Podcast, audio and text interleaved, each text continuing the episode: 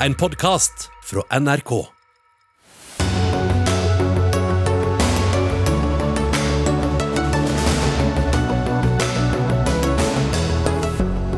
Inhabilitet står ikke i veien for at Jens Stoltenberg kan bli ny sjef for eh, Norges Bank, ifølge Justisdepartementets lovavdeling. Det gjør ham ikke bedre egnet, ifølge kommentator. Norge og Vesten er medskyldige i den nye kalde krigen, mener Rød Ungdom. Nesten som å høre russisk propaganda, svarer Unge Høyre. Et nytt slankeprogram på TV Norge får kritikk for å fremme helt feil holdninger. Men en gjeng middelaldrende tjukkaser kan vel ikke påvirke dagens ungdom, tror deltaker Christer Falk. Og er jeg rasist uten å vite om det, spør en lærer som tror woke-bevegelsen har funnet veien inn i klasserommet. Lærere må tåle kritiske spørsmål også om det de sier, svarer Elevorganisasjonen. Og det er bare noen av sakene i dagens Dagsnytt 18 på NRK1 og NRK P2. I studio Sigrid Solund. Jens Stoltenberg kan bli ny sentralbanksjef, i hvert fall er han ikke i utgangspunktet inhabil. Det har Lovavdelingen i Justis- og beredskapsdepartementet vurdert, på oppdrag fra Finansdepartementet. Etter planen kommer regjeringa veldig snart til å ansette enten generalsekretæren i Nato eller visesentralbanksjef Ida Wolden Bakke som ny toppsjef i Norges Bank. Men dagens habilitetsavgjørelse har ikke beroliget kritikerne, som du tilhører, Kari Elisabeth Kaski, finanspolitisk talsperson for SV på Stortinget. Hvorfor blir du ikke mildere stemt til ideen om Stoltenberg som ny sentralbanksjef i dag? Fordi For min del så har ikke det her først og fremst vært et spørsmål om habilitet eller inhabilitet, men snarere et spørsmål om eh, hvordan man kan forsterke eh, tilliten til viktige eh, samfunnsinstitusjoner. Og jeg mener at det er en uting at de viktigste posisjonene i Norge eh, ser ut til å bli fordelt eh, blant én gjeng, eh, og på et knippe av, av samfunnstopper. Eh, og jeg mener også at det er eh, uheldig at det vil kunne stilles spørsmål ved nettopp den reelle eh, troverdigheten og tilliten til, til, banken hvis en tidligere statsminister blir oppnevnt som, som, ny sentralbanksjef. Og I tillegg til deg så har sentrale politikere fra Høyre, Venstre, Frp, Rødt og MDG og flere advart mot å ansette Stoltenberg, bl.a. fordi dere er da bekymret for den mistanken som kan hefte ved ham. Men skaper dere ikke nettopp en sånn mistanke ved bare å komme med disse bekymringene? For min del så har ikke det her først og fremst handla om en mistro til om Stoltenberg vil være uavhengig eller inhabil. Eh, jeg mener det er eh, en uting, rett og slett. Det er ikke bra at eh, man har en gjeng med folk ja, Hva er forskjellen på det og, og på det påstanden om kameraderi? At man da utnevner en liten gjeng, eller at det er kameraderi? Hva er forskjellen på det? Altså, eh, jeg eh, mener at det kan svekke tilliten til viktige samfunnsinstitusjoner, som for øvrig vi ser er under press akkurat nå. Både tilliten til, til oss politikere, til, til, også andre viktige samfunnsinstitusjoner. Og at man da på en måte eh, har en gruppe med folk, en, en del, et sjikt, som nærmest fordeler postene mellom seg, det kan skape stor mistillit. Da. Så har jeg lyst til å understreke at denne prosessen Eh, ansettelsesprosessen er det Finansdepartementet som har ansvaret for, er ingen grunn til å, eh, å, å, å, så tvil ved at det er en profesjonell ansettelsesprosess som er uhilda. Eh, og Det mener jeg er enormt viktig. Men jeg tror også det er liksom viktig her å, eh, å, lytte til den offentlige debatten som man har om den stillinga. Det skulle det bare mangle at vi har, gitt at det er en så viktig posisjon med offentlige søkelister. Men det er vel dere som skaper den offentlige debatten? Ja, og det skulle da bare virkelig mangle at vi hadde. Eh, det må vi ha om så viktige posisjoner i samfunnet. En grunn til at vi har offentlige søkerlister, at det skal være også en offentlig debatt om den posisjonen. Eh, og det, ja, det bidrar vi til, eh, samtidig som det er også Finansdepartementet og regjeringa som står for utnevnelsen. Kritikerne er etter hvert blitt mange, det er litt stillere blant eh, tilhengerne. Men du henger fortsatt på, Gullstein, kommentator i Dagsavisen. Velkommen tilbake til deg, kan vi vel eh, si. Hva mener du at da, denne habilitetsvurderingen eventuelt vil, eller bør få å si? Det var veldig ventet at uh, Lovavdelingen kom til å konkludere sånn som de gjorde i dag. og Jeg er for så vidt enig med Kaski i at det antagelig ikke betyr så veldig mye den ene eller den andre veien. Det hadde jo selvfølgelig vært dramatisk dersom de hadde konkludert med at han ikke, ikke var habil i stillingen. Da, da ville jo det antagelig punktert denne debatten eh, ganske umiddelbart, men det, det var eh, aldri sannsynlig. Og som vi hører på Kaski her og på flere andre, så gjør ikke den vurderingen noe særlig inntrykk på de som er opptatt av at han eh, kommer til å Eller ikke bør, bør, utnevnes. Så jeg tenker at det er ikke den som egentlig betyr så veldig mye fra eller til. Og dette har egentlig aldri vært et juridisk spørsmål. Det er en debatt som går mer på litt andre ting. Litt sånn skjønnsspørsmål, litt politiske vurderinger og, og den type ting. Og så er det kanskje vanskelig å, vurdere dette på generelt grunnlag. Habilitet må vel vurderes fra sak til sak?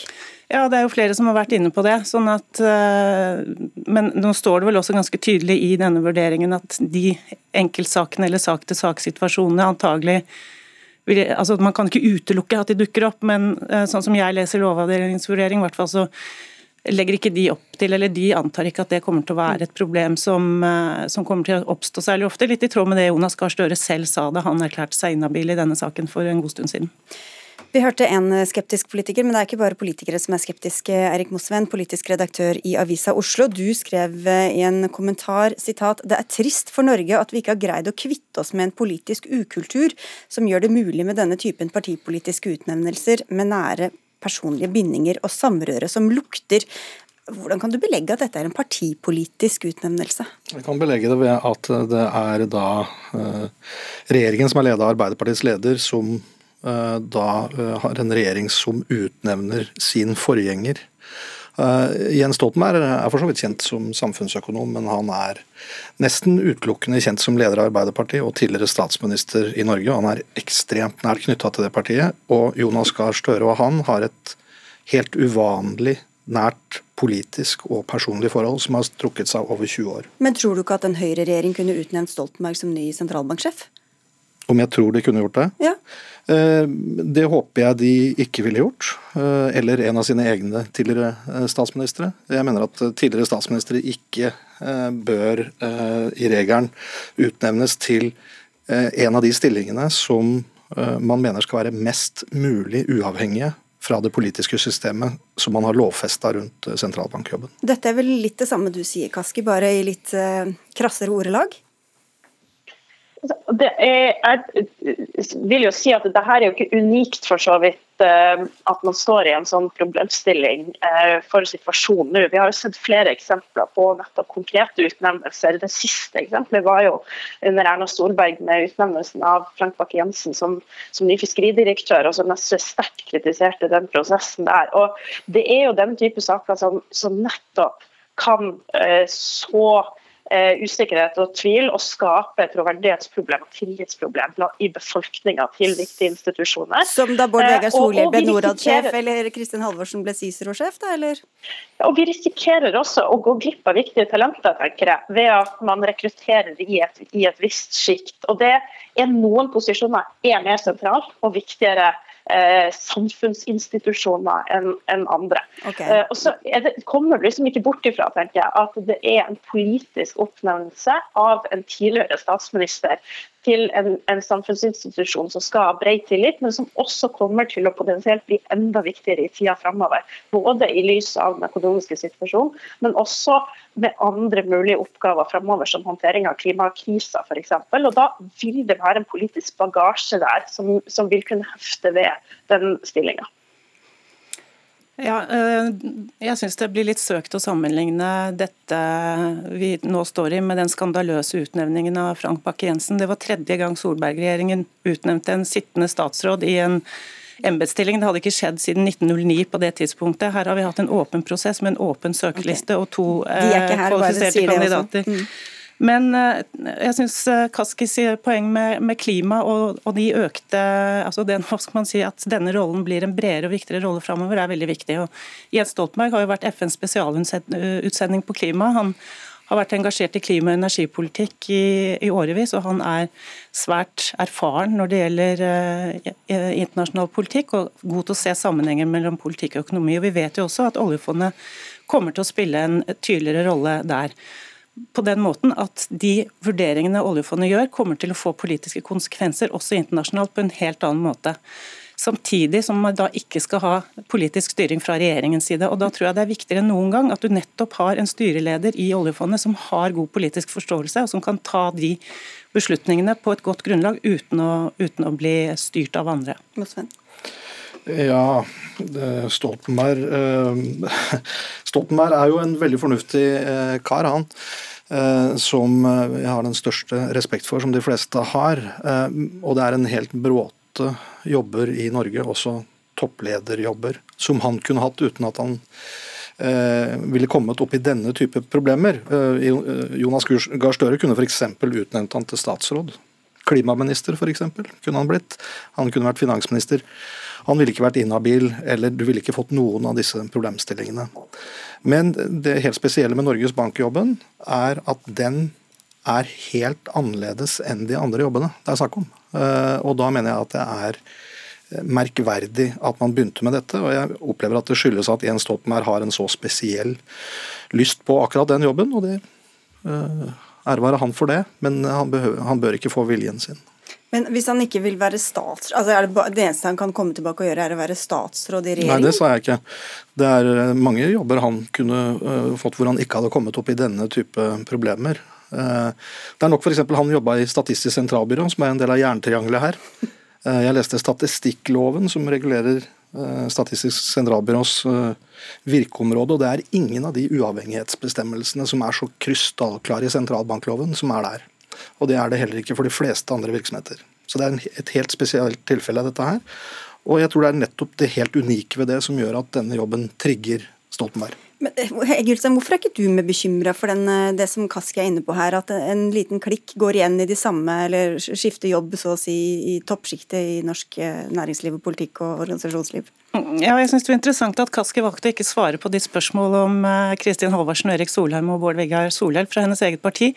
Men Først når det gjelder dette med disse problemene knyttet til Stoltenbergs fortid i, i, Arbeiderpartiet. Han har vært nå åtte år i Nato, og det peker også Lovavdelingen på. At så lang tid vil betydelig svekke de bekymringene vi snakker om her. Og så er det jo... Han har jo holdt tett kontakt med sentrale mennesker i norsk offentlighet? Da. Ja da, selvfølgelig. Og det, og det er... Du har lest boka di, Hege. Ja. og det er bare dumt å late som at det ikke er et relevant poeng. Altså det er klart at det er noe man må diskutere og, og finne ut av og, og, undersøke, sånn som jo nå har blitt gjort med, med disse habilitetsvurderingene og i den offentlige debatten vi har. Og så har vi litt ulike konklusjoner. Jeg mener at han er så drillet i dette med å ha politisk integritet, og at han kjenner styringssystemet så godt at jeg er veldig trygg på at han kommer til å utføre den jobben eh, på en god måte. Mens eh, som vi hører, så er det andre som eh, vurderer det annerledes. og det mener jeg at det er en fair Norges Bank har eksistert i 205 år, tror jeg.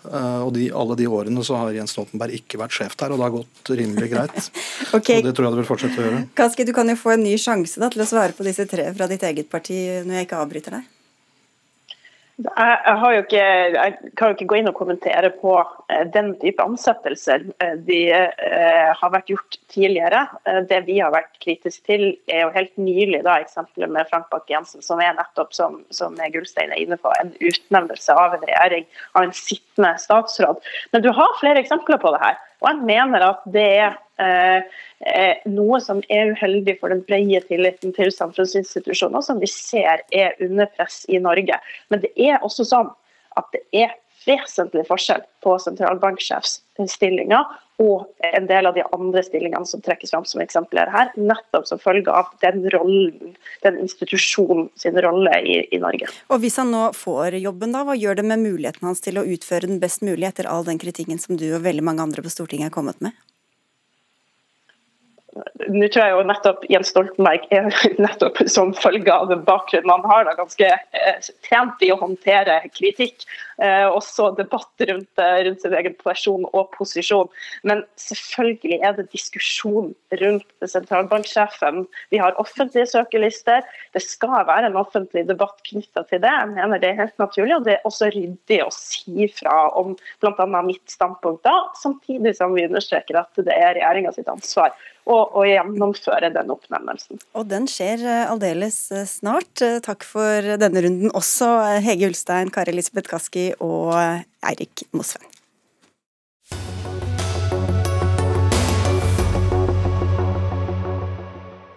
Tre viktige storpolitiske møter finner sted denne uka. I morgen er det møte i Russland-Nato-rådet. De samles for første gang på to og et halvt år.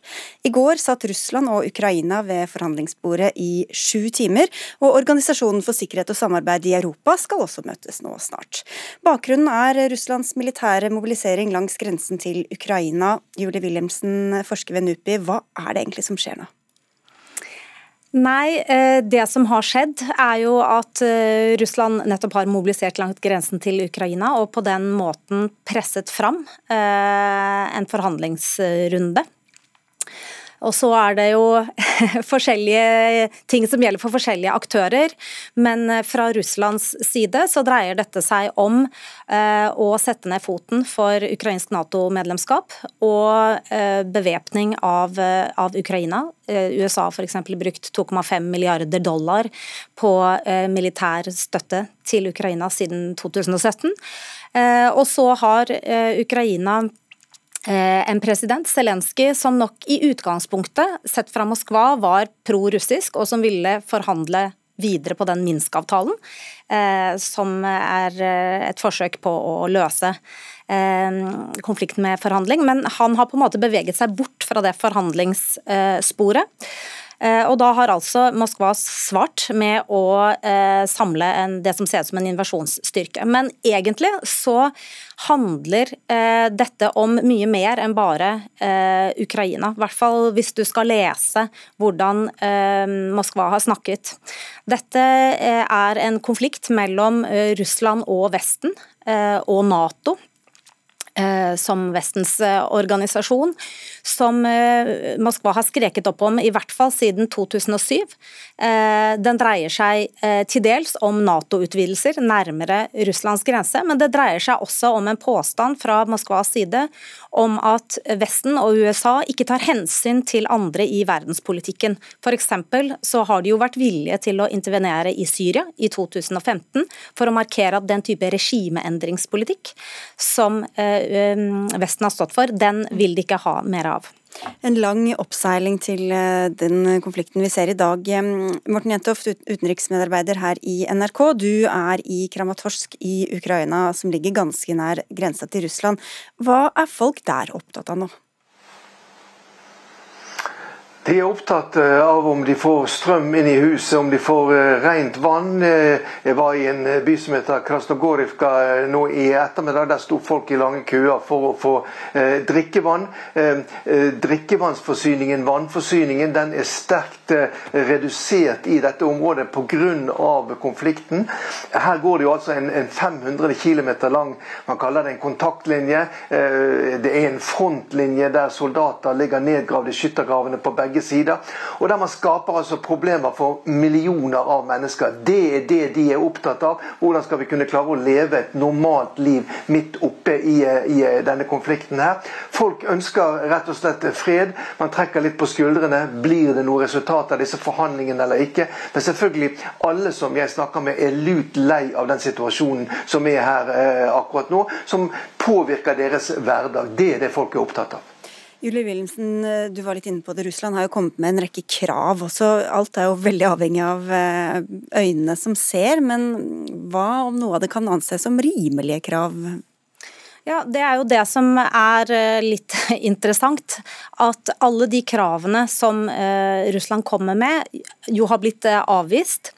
Eh, fordi man rett og slett på vestlig side ikke har ansett at eh, en, at eh, Russland ikke har noe vetorett over hvem som skal få lov å være medlem i Nato. Ei heller har de noe, noe å si på hvor Nato beveger sine styrker og hvor de trener. Eh, mens bare det at eh, Biden-administrasjonen sa ja til å inngå i disse møtene, og med den begrunnelse at vi trenger sikkerhetsdiskusjoner. Vi trenger diskusjoner om Russlands eh, sikkerhetsbekymringer. Eh, det er et, eh, et skritt i, i, en ny retning. Og, og, det at de satt sammen visstnok i, i mange mange timer i går eh, og diskuterte. Så kan man skjønne den store uroen Eh, i Europa for at f.eks. USA og Russland skal sette seg ned og forhandle om eh, europeisk sikkerhet uten dem i rommet. Man kan også skjønne uroen, som er veldig veldig sterkt uttrykt fra Stoltenbergs side, om at selvbestemmelsesretten eh, At man inngår kompromiss når det gjelder selvbestemmelsesretten Eh, og det at det er på en måte trist at man setter seg til forhandlingsbordet etter, en, en, en sånn, etter at man har mobilisert en invasjonsstyrke på, på, russisk side. Det blir jo litt som å forhandle med djevelen, dette her. Og det blir på en måte illegitimt. Samtidig så er jeg ikke i tvil om at det er viktig at man snakker istedenfor å ikke snakke. For det som er realiteten er jo at vi siden eh, Russlands annektering av Krim i 2014 og intervensjonen i Øst-Ukraina eh, har fått en gjensidig eh, militær oppbygning på begge sider langs hele grensa øst-vest-grensa i Europa, og det er fra Svartehavet, gjennom Østersjøen og helt opp til nordområdene, som er en, farlig gjensidig eskalering. Og den litt blinde troen man har hatt på russisk side, men også faktisk på Nato-siden, om at det å avskrekke, altså det å drive med posisjonering tett opp mot grensa til den andre, eh, og bygge opp, at det skal gjøre at den andre skal forandre eh, sin mening, eh, det sporet er etter mitt skjønn eh, ikke bare farlig, men også litt dødt. Så det, det, det, tross alt så er det bra at det er forhandlinger, i hvert fall. Morten Jentoft, du sa at folk er opptatt av å få strøm og vann, men hva med muligheten for en faktisk krig? Er de bekymra for det? Klart man er bekymret for det, altså, men mange sier jo her eh, Dere sier at vi, dere er bekymret for krig. Ja, vi har levd med krig og konflikt i, i, i åtte år. Eh, jeg var inne i et hus i dag eh, der eh, på en måte man så kulehull utenfor huset, eller i veggen på huset, vinduer som var ødelagt. Samtidig så er det interessant også å se de signalene som nå kommer fra den ukrainske ledelsen eh, som da kommenterer de forhandlingene som har vært mellom USA og Russland nå. Fordi at Pressetalsmannen til eh, presidenten i Ukraina, Volodymyr Zelenskyj, han heter Sergej Nykufonov, han sier det at han eh, er glad for at Russland og USA, Russland og Nato nå snakker sammen. Samtidig så har jo Zelenskyj, den ukrainske presidenten, sagt at han ønsker å revitalisere eh, disse samtalene som har vært ledet av Frankrike og Tyskland, eh, der altså Ukraina og Russland også er med. Dette såkalte Normandie-formatet. Sånn at man ønsker å revitalisere eh, forhandlinger. Og Zelenskyj sa det at han er nå villig til å gjøre alt for å få til et kompromiss for å få løst denne konflikten her øst i Ukraina. Så vi får se, da. Det har jo vært eh, kan du si, et begrenset handlingsrom som Zelenskyj har hatt i Ukraina for å få disse forhandlingene i gang igjen. Nå får vi se da om det som har skjedd de siste ukene, det som skjer denne uken, kanskje kan gjøre at forhandlingene kommer i gang igjen. Nye spennende møter i morgen, altså. Takk skal dere ha begge to, Julie Wilhelmsen og Morten Jentoft. Men vi forlater ikke temaet helt. Vi risikerer krig. Kanskje kan det vi står oppe i karakteriseres som kald krig. Men hvem har skylden? Nato og Vesten er medskyldige i den nye kalde krigen, kunne vi lese i VG i dag, i et innlegg skrevet av deg og en partikollega, Alberte Tenne er leder i, i Rød Ungdom. Det er historieløst å si at Russland uh, har skylda for den økte spenningen, skriver dere. Hvorfor det? Jeg må først starte med å si at spenninga, Begge sider har skyld i spenninga. Men jeg syns det var ganske provoserende når jeg kunne se vår egen utenriksminister Anniken Huitfeldt gå ut i forkant av disse møtene i, i Nato og si at nå er det Russland som har skylda. For det stemmer jo ikke. Nato har jo ført en aggressiv politikk ovenfor Russland. Ikke bare har de fått kritikk av tidligere Nato-mennesker, de har ført en aggressiv retorikk, en aggressiv politikk. Og land som Norge har også bidratt til spenninga gjennom f.eks. denne nye baseavtalen som vi framforhandler i disse dager, som vil øke amerikansk tilstedeværelse på norsk jord. Vi er et naboland i Russland. Det mener jeg bidrar til konflikten. Ola Senneby, leder i Unge Høyre. Din umiddelbare reaksjon på denne kronikken var at det nesten høres ut som russisk propaganda. Men hva er det som er russisk propaganda i det vi hører her? Nei, Da jeg leste innlegget, så syns jeg nesten var helt vanskelig å vite hvor jeg skal begynne i kritikken. Altså For å ta dette med hvem som har skyld. Det var Russland som i 1994 sa at de skulle respektere Ukrainas suverenitet, uh, Ukrainas uh, uavhengighet og Ukrainas grenser. Det var Russland som senere intervenerte og okkuperte Krim, og det var Russland som har drevet en proxykrig i Øst-Ukraina. Men hovedproblemet hovedproblemet til det som det liksom største overhengende hovedproblemet i kronikken, det er at Alberte og RU tar som utgangspunkt at Putin ønsker fred, og at Russland ønsker fred. Putin er ikke redd Nato. Det Putin er redd, er at vi skal få nye demokratier i Øst-Europa, slik som Litauen, Polen, de som tidligere har blitt medlemmer av Nato, som har opplevd vekst og sikkerhet. Eh, og Det tror vi har nok eksempler på å si at Putin har ikke en interesse av fred. Han ønsker ustabilitet. Det er derfor han også truer med å gå eh, til krig mot Ukraina. Ja, Det er jeg ikke enig. Jeg kan jo starte med å spørre Ola om du egentlig har lest kronikken. for Vi slår fast ganske tidlig at vi mener at Ukraina selvfølgelig skal ha suverenitet til å inngå forsvarsavtaler som de selv, eh, ettersom de selv ønsker. Og Jeg tror ikke det stemmer det du sier. fordi Russland er, altså, Russlands militære er ingenting sammenligna med USA sitt, sammenligna med Nato-styrkene sitt. De har ikke interesse av krig, og det har heller ikke resten av verden. fordi vi står i en situasjon der vi kan risikere ordentlig krig mellom atommakter. Det kan gå løs på framtida, det går løs på tryggheten. og her mener jeg at vi er jo i Norge, hva kan vi gjøre? Norge kunne gått inn og agitert for dialog, for nedrustning, for avskrekking. Det har vi ikke gjort, og det mener jeg er altfor dårlig. Men skjønner du det at Russland kanskje føler seg truet eller provosert? Ja, og så føler seg truet av hva da? Føler man seg i så fall truet av det man kaller at Nato har, har utvidet østover? Hva har den utvidelsen østover betydd? Det er ikke amerikanerne som har gått inn i Øst-Europa og tvunget inn i en allianse. Det er desperate estere, litauere, latviere, polakker som vet hva russisk overherredømme betyr, som i mange tilfeller har levd med det i mange hundre år, som har gått inn i Nato for å beskyttes mot Russland Russland, og som har inn, gått inn i EU i tillegg. Resultatene er ganske klare. De landene har vært uavhengige nesten nå lenger enn det de har vært noen ganger tidligere. De har større økonomisk vekst enn det har vært noen gang tidligere. Og Nato og EU har sammen sørget for at de landene har trygghet, stabilitet, demokrati og økonomisk vekst. Jeg skjønner at det er lett i Norge å ha på en måte et sånn seminar om hva Nato betyr. For dem så er Nato selve garantien for at de fortsatt kommer til å være frie og uavhengige land, og Ukraina burde få lov til å bli akkurat det samme. Ja, nå er det ikke det at land skal ha lov til å melde seg inn i Nato om de ønsker det. Jeg snakker om Jeg snakker f.eks. om at Norge over lengre tid nå har brutt med basepolitikken vår og går inn for en enda større brudd på basepolitikken vår med denne nye baseavtalen, der vi vil få såkalte omforente områder, der det vil være amerikansk lov som gjelder, ikke norsk, der vi vil knytte oss tettere opp mot eh, Nato enn det vi allerede har gjort. Og Én ting er Europa, men ute i verden mener jeg det blir helt feil å si at Nato er en sånn fantastisk fredsallianse, for det har vi dessverre nok Nei, av eksempler på at den ikke er. Hvis landet selv vil være med, hvorfor skal Russland legge seg opp i det? Ja, Det mener jeg at Russland ikke har noe med å gjøre. Mm. Som vi skrev i kronikken også. mitt hovedproblem er at vi i Norge og i Vesten og i Nato har en diskurs om dette der vi utelukkende legger skylda på Russland. Det mener jeg er feil, fordi Nato har også bidratt, Norge har også bidratt. Vi provoserer.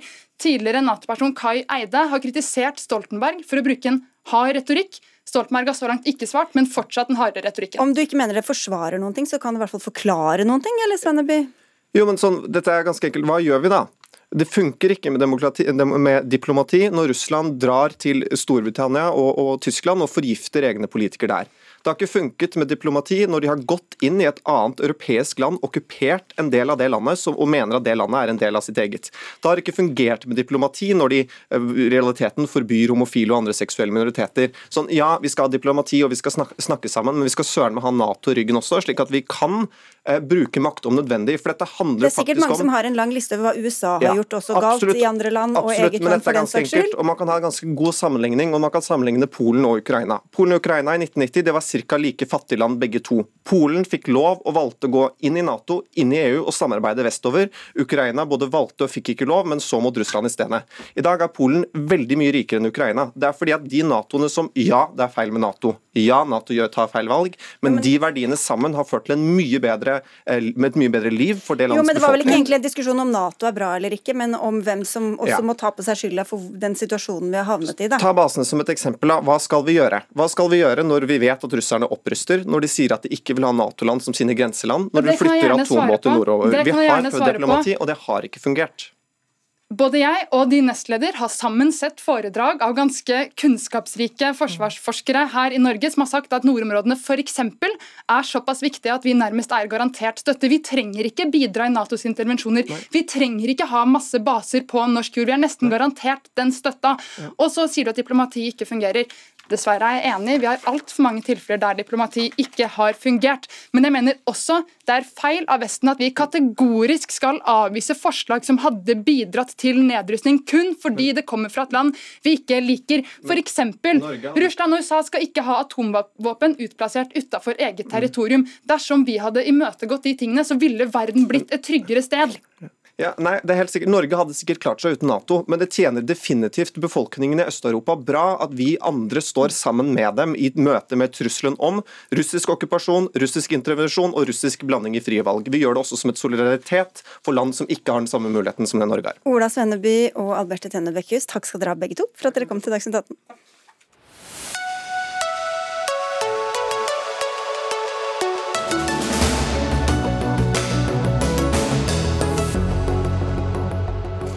Den nye reality-serien 16 ukers helvete har skapt furore. Serien sendes på TV Norge disse dager, og her kan vi følge seks kjendiser som vil komme i bedre form. Ikke alle seere er begeistret. Influenser Linnea Myhre gikk hardt ut mot konseptet på Twitter i går, og skrev at dette er sitat, 'kanskje det jævligste jeg har sett siden Kari Jakkesson lagde slanke-TV med barn i 2006', sitat slutt, og spurte om ingen voksne var på jobb i TV Norge. Vi skal til kritikken snart, men for at alle skal skjønne konseptet her, Christer Falk, eh, plateprodusent og nå deltaker i denne serien, hva slags konsept er det du har vært med på? Det er altså seks ekstjukkaser som har eh, blitt eh, plassert uh, sammen for å prøve å forandre livsstil, for å få et bedre liv, for å reparere vondter og fikse knær og rygger og forhåpentligvis også gå ned noen kilo underveis. Kilo, uansett hvordan man vrir og vender på det, henger gjerne litt i hop, alle disse vondtene, i hvert fall jeg har hatt i kroppen min. Så strenge dietter og masse trening? Ja. Ingeborg Senneset, journalist i Aftenposten. Um, du er enig med Linnea Myhre, som for øvrig takket nei til å være med i Dagsnytt 18. Men hva er galt med dette konseptet, mener du? Um, nå er jeg her egentlig også for å snakke om ordskiftet rundt det. Ja, vi, tar, vi kommer dit snart. La oss snakke, ta konseptet først. Um, konseptet i seg sjøl går jo sånn som det gir inntrykk av på utsida. Uh, nå har jeg satt meg ned og sett episoden i dag, og jeg er ganske positivt overraska. Fordi at når man ser på hvordan det presenteres, så handler det om centimeter, om kilo, om det også blir en sånn bedre utseendeversjon og kroppsversjon av seg sjøl, og det gjenspeiler litt den feilen vi gjør i samfunnet hele tida, at vi prøver å fikse noen kilo, og da skal alt bli bedre. Altså Vi ser januar nå. Pressen er ikke så mye bedre enn Discovery her. Det er slankepropaganda hele veien. Og Sånn oppfatter jeg også programmet. Eh, jeg har et bedre inntrykk etter å ha sett det, men fortsatt, så, ja, men fortsatt er det det skraper på overflaten. Da. hvorfor er det f.eks. ikke med en kjendis som ikke har overvekt, men som bare har et dårlig kosthold eller bare har en uh, uhensiktsmessig kropp osv. Fordi at vi maner og maner og maner på det at vekt og helse alltid en sånn De som er overvektige, de må bare fikse det. Eh, jeg fikk jo skikkelig vondt jeg så at familien din hadde ledd av deg. Og det, det syns jeg morsomste jeg ja. Sånn, det gjenspeiler hvordan samfunnet forholder seg til overvekt. Overvektige mennesker skal shames, og de skal skjerpe seg istedenfor at man tenker litt større enn det. Jeg skal bare si at Det er jo ikke du som har laget dette programmet, Christer Falk. Discovery, som står bak eh, TV Norge, sier at de ikke kunne stille hos oss. Men hvis du svarer på kritikken her om hvordan, hvilke signaler det sender, da? De seks som er valgt ut, er nok valgt ut fordi vi er ganske forskjellige. Vi er forskjellig kroppsform. Noen har, eh, sånn som Jørn Hoel er med, han har hatt hjerteinfarkt tidligere. Jeg har operert knærne mine tre ganger. Jeg tror ikke det var primært fordi jeg var så, så vemmende feit at jeg ble plukka ut, men eh, det vel, har vel sikkert ikke vært lagt uh, skjul på at jeg har hatt uh, mine bedre dager. og Det er også pga. knær og, og, kropp. Det er ikke nødvendigvis bare fordi bollemagene min har kommet fram. på en måte. Men jeg tenker jo at uh, det de har gjort, er jo å gi oss en mulighet til å få en kickstart på noe som kan bli varig. Jeg vet jo også at det er ikke alle som skifter liksom livsstil etter en sånn kjempe kjempeøkt som det vi har vært igjennom. Men vi har jo lært ekstremt mye underveis, og det vi har lært, det kommer jo også fram i programmet. Så det er jo ting som man kan snappe opp. Men det, det er vel tvert imot de aller fleste som slanker seg på den måten, de går opp igjen, eh, om ikke mer enn det det de hadde fra før av. Hvor, hvor nyttig er det for folk å se det her, tror du? Jeg tror det er veldig nyttig. Jeg vet jo ikke, vi har ikke noe tall. Vi har hatt én episode av åtte, så vi vet ikke hvor bra ting har gått ennå. Men bare i går så har jeg sikkert fått 100 meldinger i innboksen min av folk som har vært kjempeinspirerte. Jeg har sikkert lest 200 kommentarer i, kommentarer i kommentarfelt som alle er veldig sånn opptatt av at wow, dette her har vi lyst til å følge med på. For alle har jo gjerne lyst til å bli en forbedra versjon av seg selv. Og noen måler det i vekt, noen måler det i magemål, noen måler det i knevondter. Så jeg syns det er liksom litt sånn lett å bare skylde på at fordi at kiloen er nevnt et eller annet sted i programmet der, det er vanskelig å lage et mm. program om uh, helse uten å nevne ordet kilo. Og det er jo kanskje det som er uh, Jeg syns det er litt rart at det er så mye stigma okay, rundt. Men så sa du Senneset, at du ville snakke om ordskiftet. Hva var det du reagerte på der? Ja, um, Når du sier at ikke nevner kilo, så er det jo folk som står da uh, halvnaken foran kamera med kilo Eh, centimeter og alt som er feil, så det gjenspeiler nok hvordan folk står i sitt eget speil og tenker alt det her er feil med meg, alt det her må jeg fikse, istedenfor å tenke mer hva kan jeg gjøre som menneske, framfor hvordan skal jeg fikse meg sjøl eh, utseendemessig.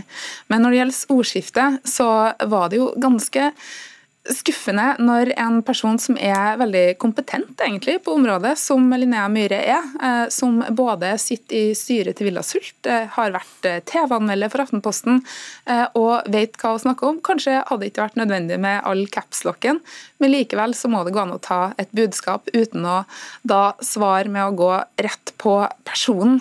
Det syns jeg er skikkelig trist, for det er jo ikke sånn ordskifte vi vil ha.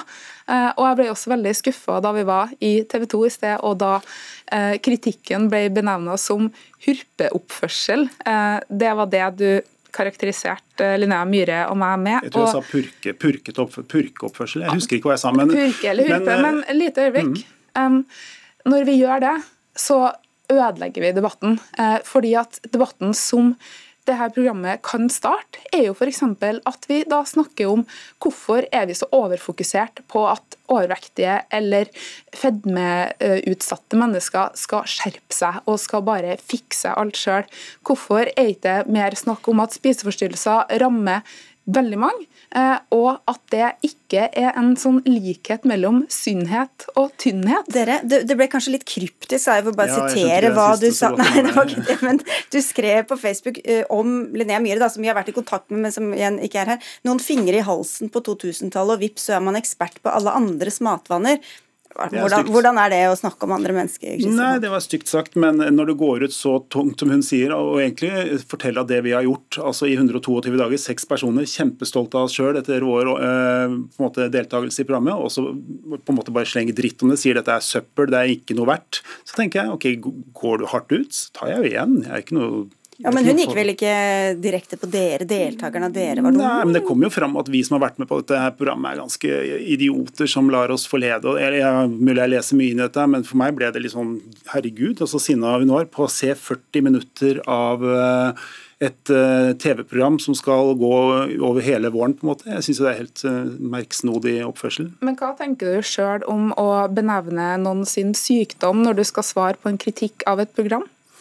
Det var frekt sikkert unødvendig, men jeg, jeg syns folk som uh, ypper, de får som regel tilbake med samme mynt. Hva syns du om å si 'menn' bak hver gang du sier ja, det her var frekt? Menn? Nå, jeg tror det har vært dårlig sånn... språk. Jeg fikk uh, firer i norsk. jeg tror ikke at det er noen god unnskyldning, altså. Men Uansett, da. Kanskje. Ja. Uh, jeg hadde egentlig litt lyst til å hjelpe deg nesten ut av den situasjonen, for du har jo egentlig gode argumenter. Uh, og det er ikke en sånn 'stakkar deg, du klarer deg ikke'. Men det er rart det skal handle om debatten med Jeg tror vi var her for å diskutere TV-programmet, og det er det som jeg på en måte hadde ja, håpa på. Okay, men, men, det da, for å ende der også, hvor vi begynte, da. Du er ikke redd for å sende masse signaler til folk som står og måler seg sjøl foran speilet og tenker at det der burde bort, og den burde inn, og den burde opp. Og... Nei, jeg velger heller å vri litt på det og si at nå er det så mye mennesker som kan få noe godt ut av dette her, og det kan påvirke massevis av mennesker til å, å bli langt, langt sunnere. Så jeg tror jo ikke at uh, middelaldrende menn som er på 52 kan ha så enormt mye påvirkning på ungdom og, og spiseforstyrrelser uh, personlig. Ikke sånn at når selv en mann på 52 er opptatt av det, så må i hvert fall jeg, jente 16, være opptatt av det? Nei, jeg tror ikke det. Mm.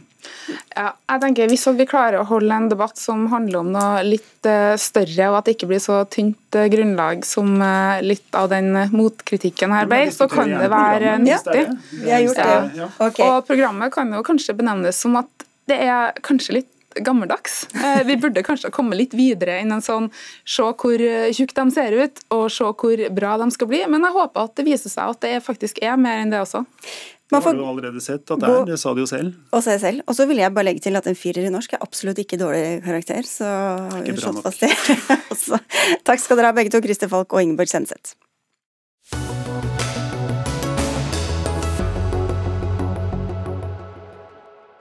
Sjef Sjefen for Forsvarets etterretningstjeneste i Danmark, Lars Finsen, har sittet varetektsfengslet siden 8.12. Men først i går ble nyheten kjent om at han er mistenkt for lekkasje av statshemmeligheter. Selv sier han at han ikke har gjort eh, noe galt, og mener siktelsen mot ham er eh, vanvittig. Han risikerer tolv års fengsel hvis han blir funnet skyldig i landsforræderi. En paragraf danskene ikke har brukt på 40 år. Kjetil Stormark, redaktør i eh, forsvarsnettstedet aldrimer.no. Saken ville vært lite troverdig som en Hollywood-film. Eh, sier du det er rett og slett ikke til å tro på? Ja, Nå er det andre som er bedre eksperter enn meg på hva som eh, ville slippe gjennom nåløyet i Hollywood. Men jeg tror nok kanskje hvis du som forfatter eller manusforfatter hadde levert et manus med dette plottet, så ville man ha nølt litt. For det er litt i overkant av hva man kanskje ville opplevd som troverdig, tror jeg. Ja. Men etterretningssjefen er altså siktet for å ha lekket klassifisert materiale, men ikke til fremmede makter, men til pressen. Hva kan vi legge i det? Ja, hvis du ser på de lekkasjene som han åpenbart ble kobla til, så er jo det eh, lekkasjer som har utfordra regjeringens politikk i Danmark eh, på flere punkter. Det begynner på mange måter med saken eh, i fjor høst, hvor tilsynsutvalget for eh, etterretningstjenesten i Danmark går ut med en pressemelding og kunngjør at de har funnet eh, opplysninger som tilsier at man har fulgt med på på danske statsborgere. og, og Dette henger også sammen med en sak hvor det er kommet fram at uh, danskene har tillatt at amerikanerne har fått lov å overvåke internettrafikken som går gjennom Danmark, og hvor og Norge indirekte og direkte er berørt. Ehm, og Så er det jo da et spørsmål om hva som har skjedd, som har ført til eh, disse pågripelsene. Ehm, men det er ganske oppsiktsvekkende at eh, Politiets etterretningstjeneste som det heter i Danmark, har avlytta telefonen til sjefen for eh, Forsvarets etterretningstjeneste i Danmark. Og nå har han sittet i varetekt i nesten en måned. Og det er først nå de siste dagene at domstolen har tillatt at navnet hans kan gjengis. Ola Kallager, du er pensjonert offiser og tidligere leder av etterretningsgruppen E14. Um, Finsen blir altså omtalt som den personen i Danmark med kjennskap til flest statshemmeligheter. Jeg skal ikke be deg gradere her, men hvor sjokkerende er, er denne saken, syns du? Dette er en meget spesiell sak. Da. Jeg, kan ikke, jeg har forsøkt å se, men jeg tror det aldri har skjedd før, iallfall i Vesten, at uh, en sjef for uh, et lands etterretningstjeneste har blitt arrestert. Og hvis vi skulle sammenligne det litt da, og gå litt tilbake i, norsk tid, så hadde vi jo en sak i 1966 faktisk, hvor eh, både sjefen for eh, politiets overvåkningstjeneste den gangen og sjefen for etterretningstjenesten, eh, henholdsvis eh, oberst Evang og, eh, og, og overvåkningssjef eh, Asbjørn Bryn, på mange måter fikk beskjed om å finne seg noe annet å gjøre. vil si de den ene ble vel pensjonist, og den andre ble politimester i Bergen. Eh, og resultatet, eller Årsaken til det var jo også at eh, sjefen for overvåkningstjenesten hadde satt i gang eh, telefonavlytting av eh, sekretæren til sjefen for norsk etterretningstjeneste, altså oberst Evang. Så, eh, sånn sett så Det lukter kanskje litt vendetta av dette her. og Jeg ser jo også at en av de som eh, har vært arrestert i denne saken, også har jobbet i politiets eh, etterretningstjeneste i Danmark. Så, så, det er ikke bare folk fra Forsvarets etterretningstjeneste som, eh, som har vært tatt her nå. Så, så eh, for meg så, så tyder dette på at her har det vært et eller annet eh, internt mellom disse her. Og så er det jo merkelig da at sjefen for etter, Forsvarets etterretningstjeneste tidligere har vært sjef for Politiets etterretningstjeneste. Så her er det mange, mange rare ting ute og går. Altså. Og for meg så lukter det litt vendetta. Eh, det skal bli spennende å følge denne saken. Jeg tror aldri vi får vite den fulle sannheten om dette her, men eh, her er det, her, her er det en sikkerhetsventil som har sprunget. altså en intern vendetta, Stormark? Er det kniving mellom eh, ulike etater vi ser her, eller?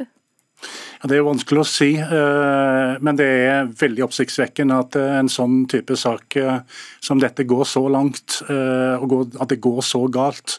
At man slår til med politirazzia på ulike adresser og, og pågriper og setter sjefen for et lands militære etterretningstjeneste i varetekt. Mm. Det savner sidestykke.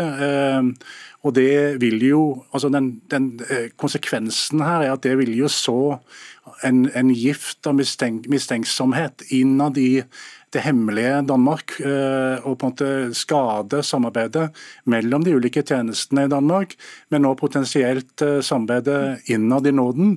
Og Det vil kunne føre til større utfordringer i å forebygge framtidige sikkerhetstrusler, les terrorangrep og andre mulige trusler eh, mot Skandinavia.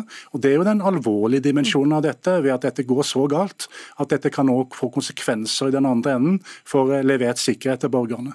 Nå vet vi jo ikke hva som har skjedd, Kallager, og han er jo ikke dømt for noen ting. Men sett at det er lekket um, hemmelige papirer eller informasjon til, til journalister, er det formildende at det er lekket til pressen i så fall? Og ikke til andre makter, eller?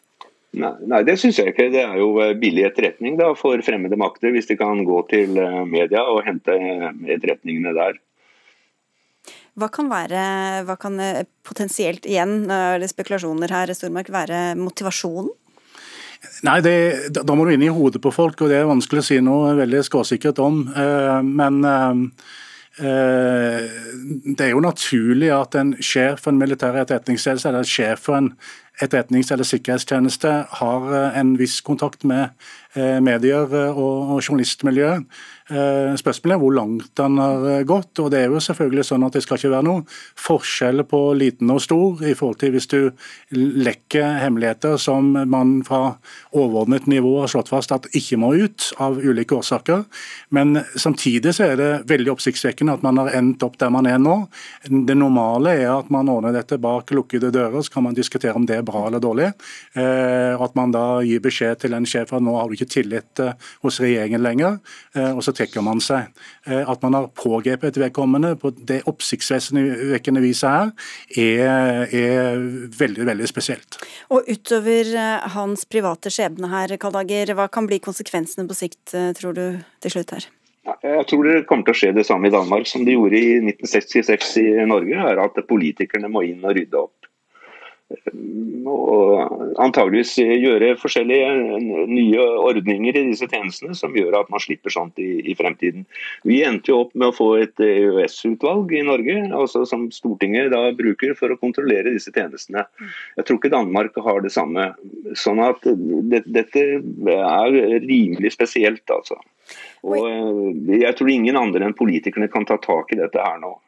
Inntil videre sitter han i hvert fall eh, varetektsfengslet. Takk skal dere ha begge to, Kjetil Stormark, redaktør i aldrimer.no, og Ola Kallager, pensjonert offiser.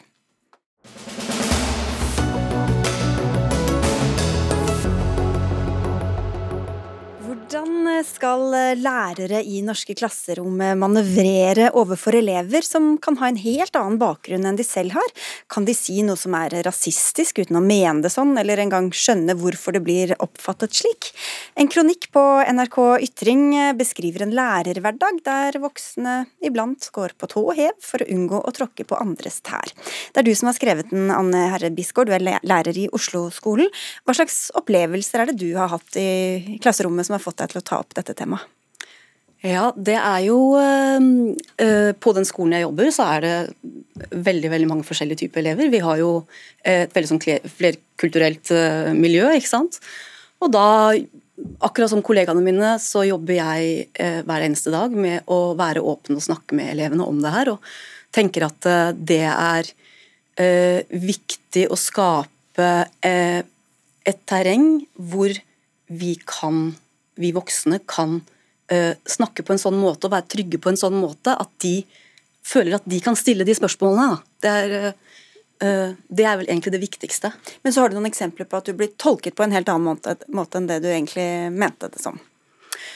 Ja, det er jo i samtaler, ikke sant. Det er jo i utgangspunktet så er det jo det fordi at de tør å spørre meg. Fordi jeg har skapt et klima i klasserommet hvor det er lov til å stille spørsmål, hvor det er lov til å, å, å snakke om de tingene her. Og da har jeg et utgangspunkt hvor eh, de tør å spørre meg, f.eks. når jeg bruker sånn typiske norske uttrykk, eh, som f.eks. jeg eh, bruker eksempler som hvit løgn, eller at det går mot lysere tider og sånn, så er det litt tull. ikke sant? Vi, vi har det, det er jo det er jo ofte dette også er litt sånn tullete, men samtidig så er det Eh, det ligger noe bak. De merker at det er noe som skjer i samfunnet som gjør at man skal være veldig forsiktig hele tiden. Og jeg tenker at det noen ganger går litt for langt, at vi må kunne snakke om det, da. Ja, for da får du spørsmål om ikke det er rasistisk å si at hvit løgn er bedre enn svart løgn, ja. og at lysere tider er bedre enn dårlige, mørkere tider osv. Og, så og sånne ting. Edvard Botteli Udnes, du er leder av Elevorganisasjonen. Hvordan um, ser du på denne problemstillinga, for å stille et litt stort spørsmål? Det, det, var et ganske stort spørsmål. La meg heller snevre det inn. Hva synes du om det hun skriver i kronikken, og det hun sier her? Eh, jeg er enig i veldig mye av konklusjonen. Det er viktig at klasserommet skal være et trygt område for å diskutere ulike problemstillinger. Skolens brede samfunnsmandat er å skape kritisk tenkende, demokratiske samfunnsborgere. og Da er det veldig viktig at vi klarer å stille uh, ukomfortable spørsmål og ha vanskelige samtaler i klasserommet. Eh, jeg er ikke like enig i eh, at eh, problembeskrivelsen i kronikken er et problem. Jeg mener det derimot er en positiv ting at disse spørsmålene blir stilt, og at elevene er bevisste på problematikk i samfunnet og det som foregår rundt dem, men at da heller klasserommet kan brukes som en arena hvor man faktisk har diskusjoner om det. Som betyr at man faktisk klarer å tenke kritisk. Og Det er veldig bra at elevene til kronikkforfatteren eh, tør å eh, stille læreren sin til veggs av og til. Kan det være at du overtolker eller feiltolker, eh, sånn som du også kanskje føler deg selv feiltolket eller overtolket? Jeg kan oppleve å føle meg feiltolket i etterkant av den kronikken, fordi at jeg er jo hjertens enig med deg.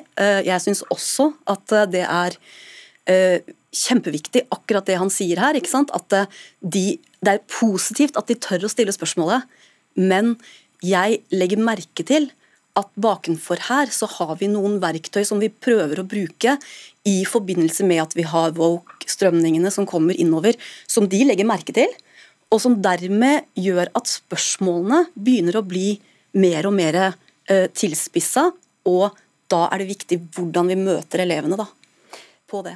Ja, du sier, eh, Udnes, at du er ikke så glad i den woke eh, bruken av woke, altså det at man skal være årvåken og bevisst mm. på andre, andres mulige tolkninger og historiske eh, tolkningsmuligheter osv. At, at det brukes i dette tilfellet. Hvorfor ikke?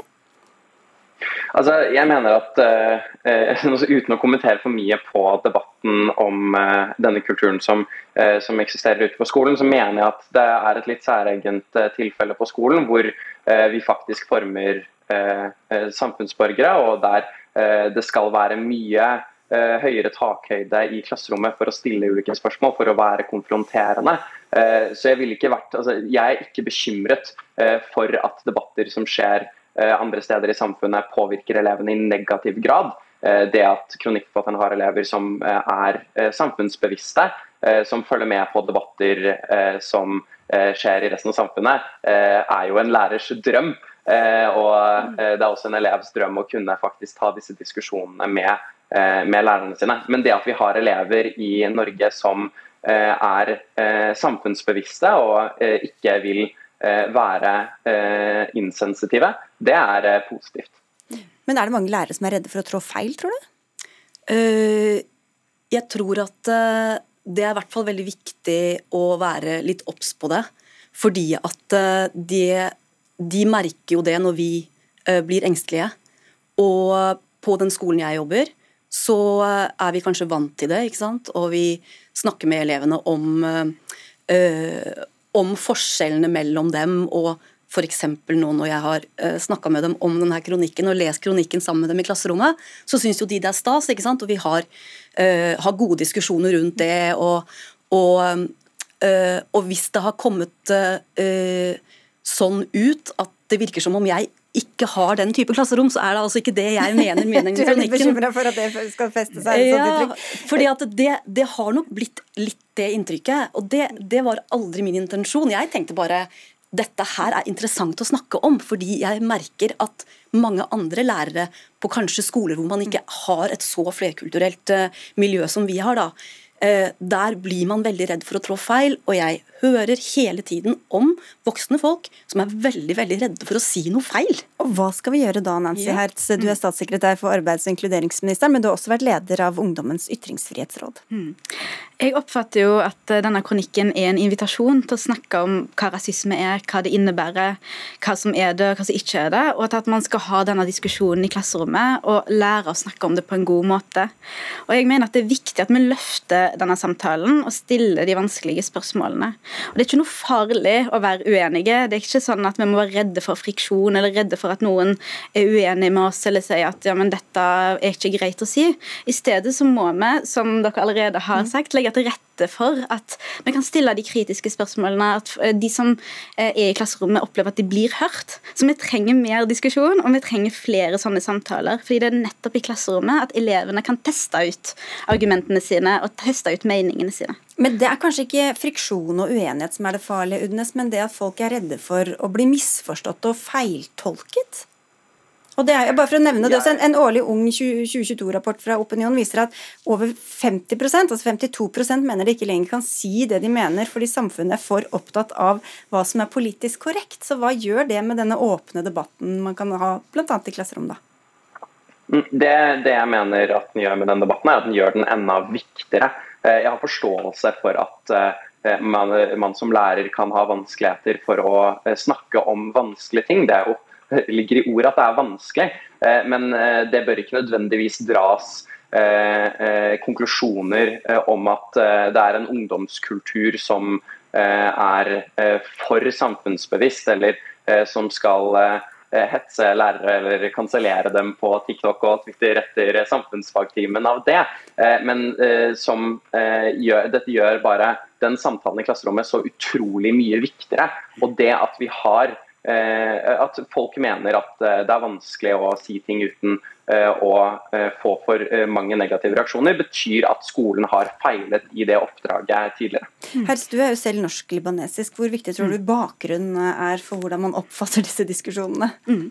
Det er et godt spørsmål. og jeg tenker at En av grunnene til at disse samtalene kan bli betente og vanskelige, det handler jo om at makt er ulikt fordelt i samfunnet. Jeg sitter jo tross alt her og får lov til å snakke om de sakene som jeg er opptatt av, og får lov til å være statssekretær. Eh, så jeg har muligheten til å bruke stemmen og snakke om f.eks. opplevelser av rasisme. og Da har jeg òg et oppdrag med å gjøre det. Men vi må snakke om at denne makta er ulikt fordelt, og at det er derfor helt sånn vanlige spørsmål som 'hvor er du fra?' eller 'hvor er foreldrene dine fra?' kan oppfattes som veldig vonde og, og vanskelige eller fremmedgjørende. Og vi vet jo også at, bare for å ta denne samtalen videre på kjernen her, som handler om rasisme, det fins rasisme i Norge. Og før jul så kunne vi jo lese i NRK om Sara på 20 år som opplevde rasisme på åpen gate i Bergen, eller om unge som opplever å bli kalt muslimske faen på jobb. Og Vi vet at hvis man har muslimsk bakgrunn eller feil hudfarge eller feil etnisk bakgrunn eller feil navn, så er det større sjanse for at man ikke blir kalt inn på jobbintervju. Så folk kjenner jo på disse tingene på kroppen, og det er derfor samtalene er viktige å ta. Og det er derfor de gjør vondt. Og dette kan skje både bevisst og ubevisst, for å svare på et av premissene i kronikken. Men for å kunne gjøre noe med det, så må vi snakke sammen. Vi må anerkjenne at dette er et problem, og så må vi prøve å finne en måte å bekjempe det på, og rette lys, søkelyset på rasisme på. Og ikke minst så handler det om at de det gjelder, får komme til ordet og snakke om sine opplevelser. Det er jo det som er så viktig akkurat det du sier der. Vi lærere vi hører de historiene her hver eneste dag. Mm. For elevene er ikke Jeg kjenner meg ikke igjen i at de er redde for å snakke med oss lærere, eller at de baksnakker oss i etterkant av timen. Helt tvert imot. De deler disse øh, opplevelsene de har, hvor det er skjult øh, hverdagsrasisme. Det finnes masse av det, jeg er helt enig. Og det er derfor vi må ha gode verktøy til å løse øh, det og gjøre det lett for dem, og ikke vanskeligere ved at vi tasser rundt på, på tærne. Mm.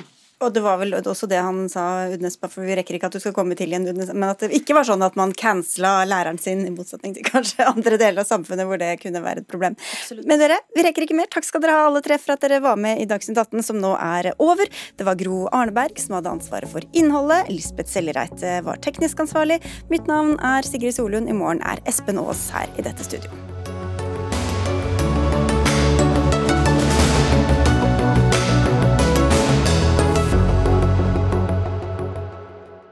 Du har hørt en podkast fra NRK. Hør flere podkaster og din favorittkanal i appen NRK Radio.